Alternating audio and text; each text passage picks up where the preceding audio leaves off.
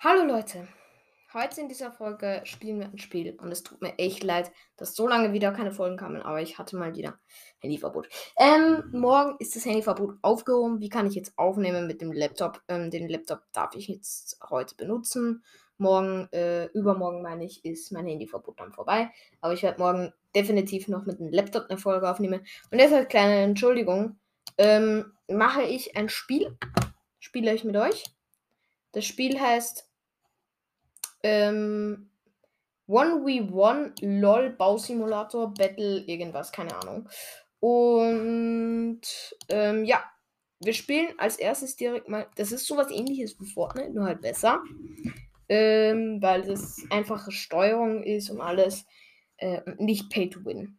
Also man kann sich was kaufen, aber es kauft sich eigentlich so ziemlich niemand etwas und man wird nicht ausgelacht, wenn man No-Skin ist.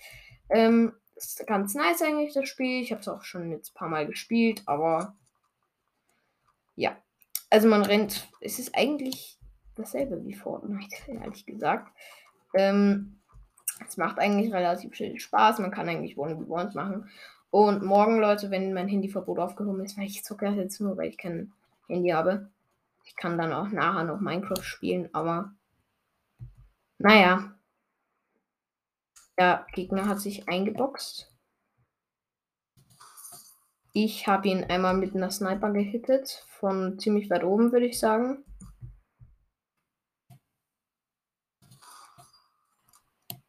Da ist er, der Prä. So, gewonnen. ich habe ihn im Runterfallen geholt. Ich bin eigentlich ganz gut. Ich bin auch eigentlich relativ gut in, ähm, ja, anderen Games sowas in der Art. Aber äh, ja, es macht eigentlich relativ viel Spaß. Heute ist ja die eine neue Challenge hineingekommen. Da bekommt man einen Free Spray. Das Einzige, was ich nicht kann, ist bauen in dem Spiel. Einen guten Aim habe ich eigentlich. Ich habe eigentlich überall einen besseren Aim, als ich bauen kann. Aber es geht, würde ich sagen.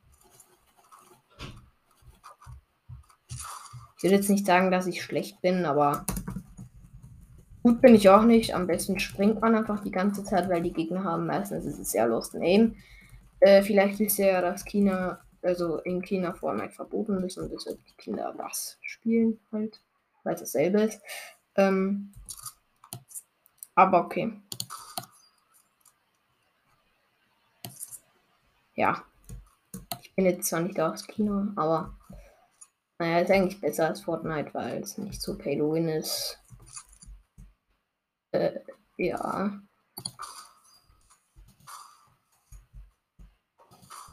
Ich, mein Aim, ach du Kacke.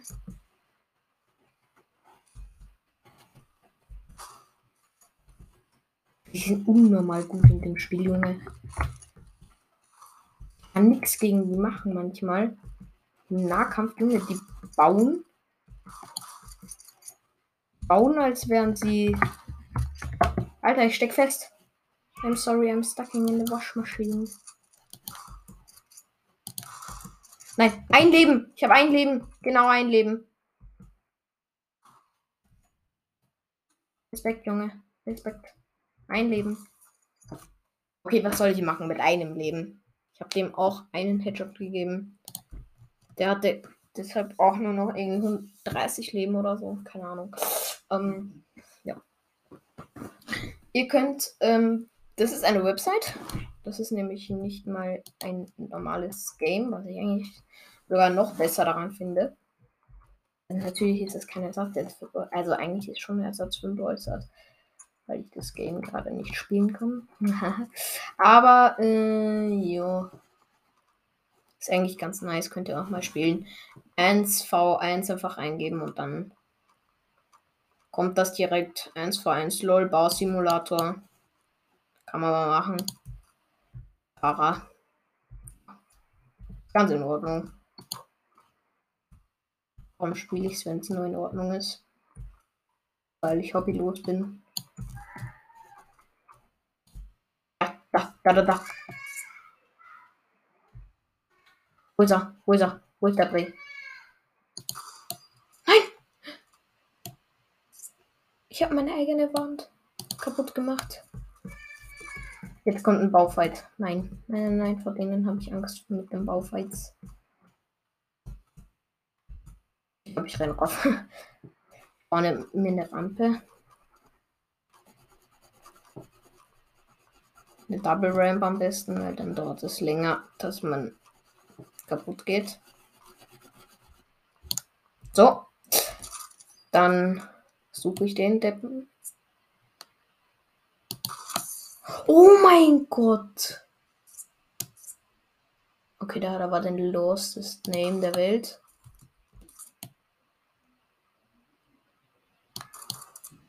Ja, habe ihm gegeben.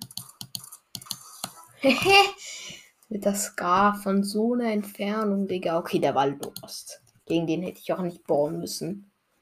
Ähm, ja, da gibt es auch noch andere Modi, die ich euch dann auch gleich noch ein bisschen vorstellen werde. Ähm, ja. Am besten ist eigentlich, wenn man direkt mal eine Skybase baut. Weil, naja, Sniper macht halt unnormal viel Schaden und äh, man kann nicht eigentlich veraimen. Also kann man schon, aber da muss man schon absolut los sein. Oder vielleicht habe ich einfach nur einen guten Name. kann natürlich auch sein. Ähm, sorry, dass ich jetzt so cringe bin, aber. Nein, der hat mich runtergeschossen. Als ob, Junge.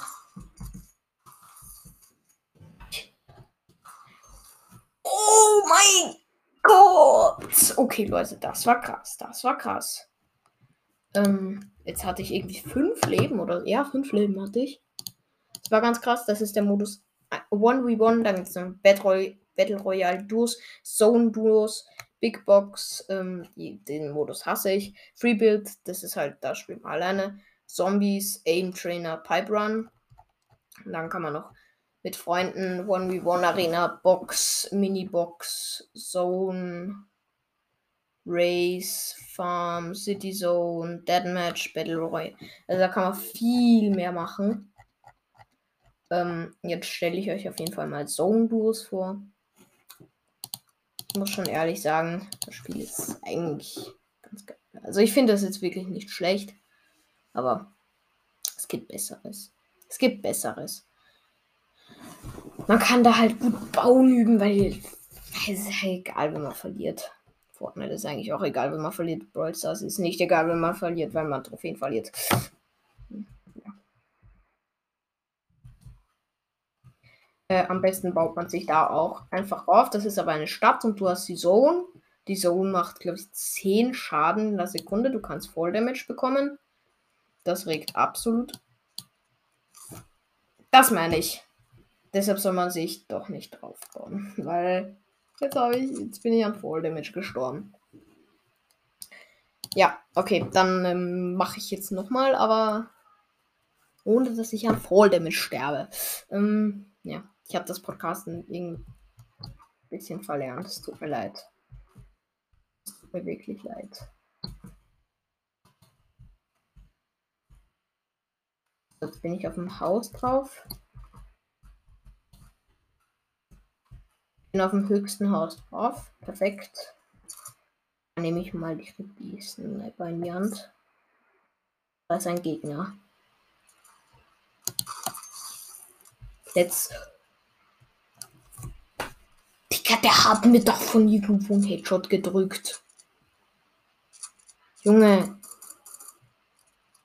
Wollte mich eigentlich komplett verkacken, Alter.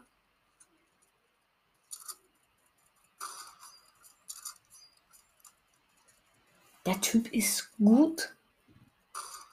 Der hat einen Namebot, glaube ich. Leute, wisst ihr was? Aimbot.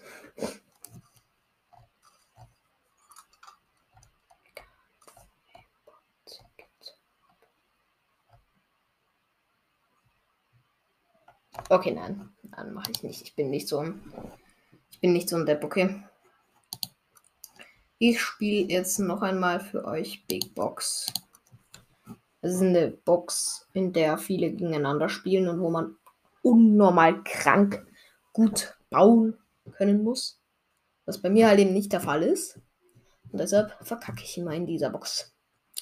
Die ist halt auch unnormal klein. Deshalb hat man eigentlich so ziemlich keine Chance, wenn man nicht bauen kann. Deshalb ähm, bemühe ich mich da jetzt auch nicht wirklich. Ich versuche einfach zu überleben, ohne Edits nicht eingebaut zu werden, die gerade eben. Ihr hört vielleicht, ich drücke die ganze Zeit irgendwas. Und jetzt versuche ich mich schon langsam mal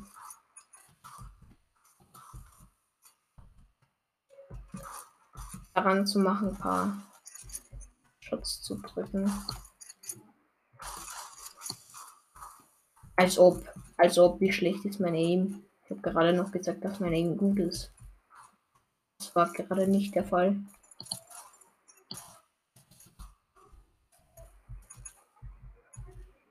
Ja, vielleicht hört ihr das, Junge.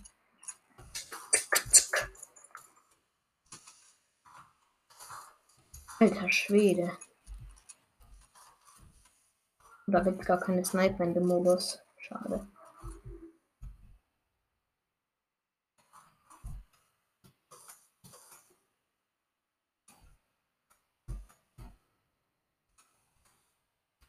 Set. So, habe ich eingebaut. Jetzt, wenn jemand reinkommt, weg.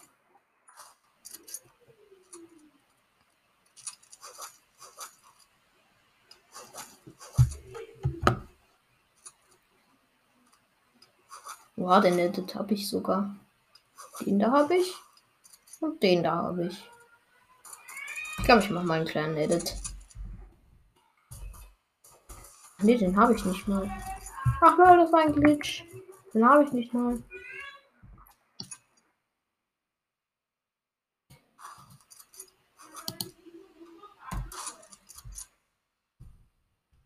Hm, ich glaube, ich hau mal ab.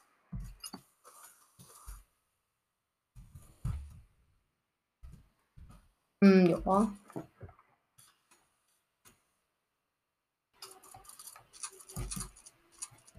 Man kann auch mit der Scroll-Taste, also mit dem Scroll-Dings, fünf Finger halt. Ui, okay. Der ist einfach da hergekommen mit einem kranken Edit. Ich schaue dem noch zu, wie der spielt. Was hat der für Edits? Ach du Kacke. Wie gut spielt der? I don't can't build. Ich heiße I don't can't build. Ähm, das merkt man, glaube ich, auch. Digga, das ist absolut krank, wie gut diese Gegner sind. Ich spiele mal gegen Zombies. Und dann, dann, dann möchte ich euch irgendwie beweisen, wie unnormal krank schwer der Modus Zombies ist.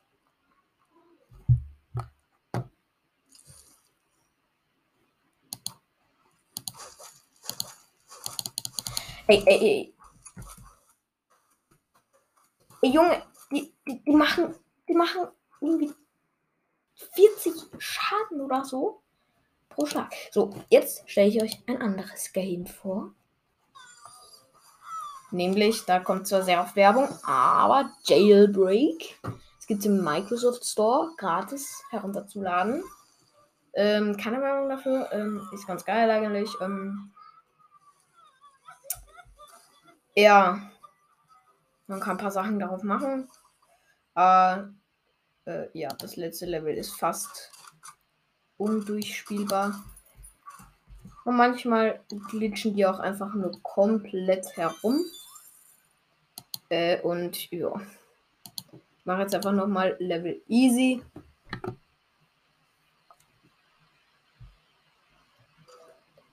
Am liebsten ist mit da in dem Modus auch die Sniper, weil die Sniper super viel Schaden macht. So wie in jedem Game eigentlich. Äh, da gibt es Gold. Das muss man halt einsammeln. Ach nee. Und mit dem Gold kannst du dir dann äh, Sachen kaufen halt. Jetzt. Ja. nichts Besonderes eigentlich. Ist ganz geil einfach. Ab und zu mal das Ding. Und dann gibt es diese Probleme. Free Ammo!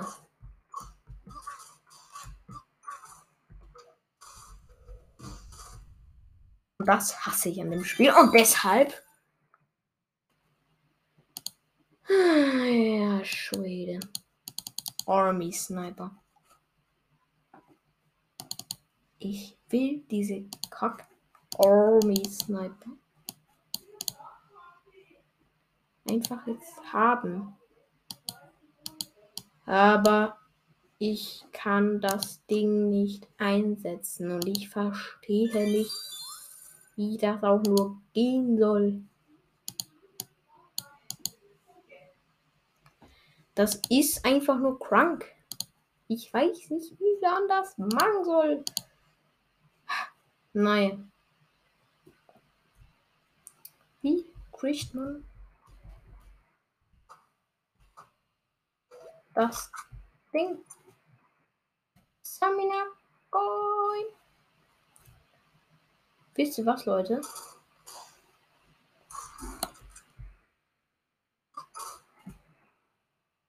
Nicht in Slow Motion. Das ist, das ist ganz geil eigentlich, dass man Slow Motion einstellen kann.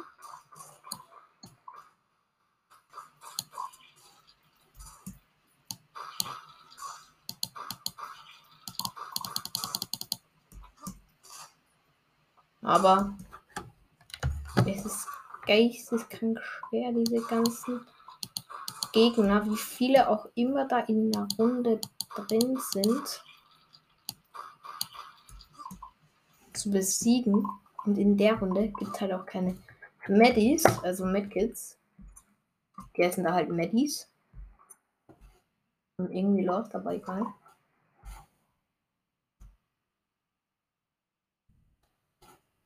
Man kann nicht von selbst nachladen. Okay. Kann man nicht. Das wird gesteuert. Das macht irgendein Depp, der wahrscheinlich noch nie etwas von dem Game gehört hat. Und das meine ich, dass man einfach keine Chance hat zu gewinnen. Amina. Kakaium.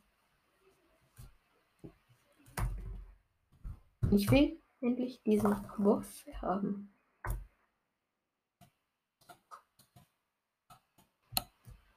Ich will diese Waffe nicht. Eine andere.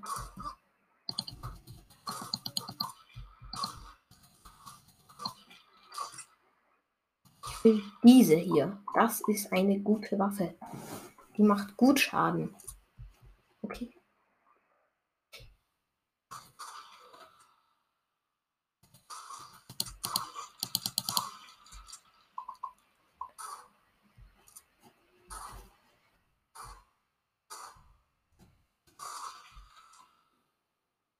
Was? Nicht gegen etwas anderes.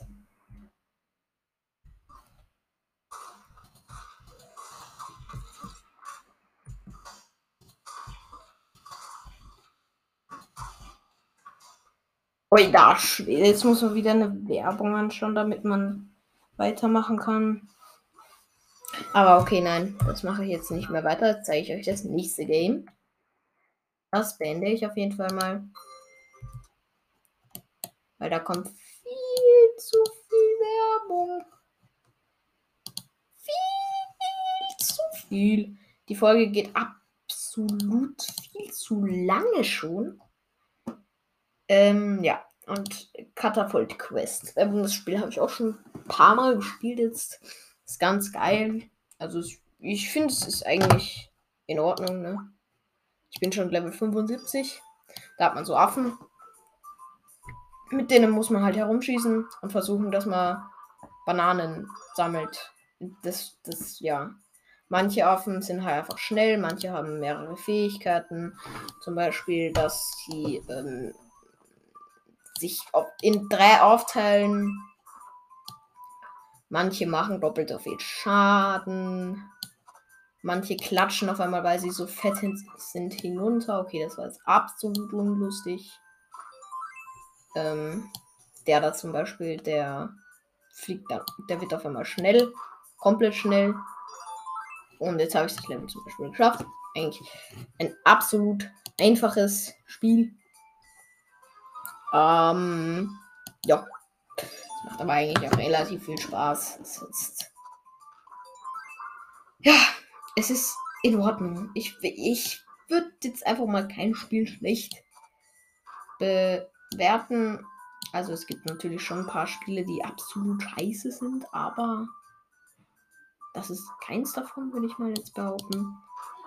Es ist natürlich nicht cool, wenn man Bananen sammeln muss. Aber ist auch nicht schlimm. Ähm, naja. Keine Ahnung, was soll ich dazu noch sagen?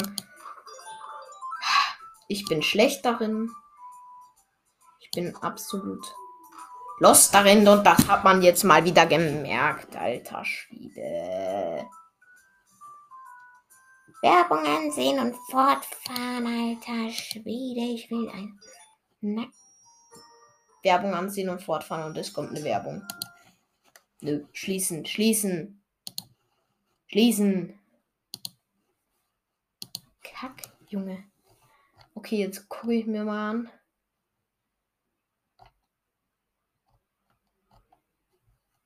How to get aim button.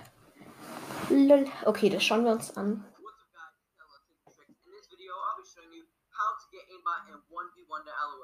I've tried this out before. I actually found this out myself. I'm not sure if anybody found out this before, but it really works. And there's no download. It's all your mechanics just when you're playing the game. Okay. So before I show you guys how to get one more to LOL, subscribe, like, and hit that notification button. It would really help me and my channel out. I am trying to get to 1,000 subscribers. So let's, let's try and hit that goal.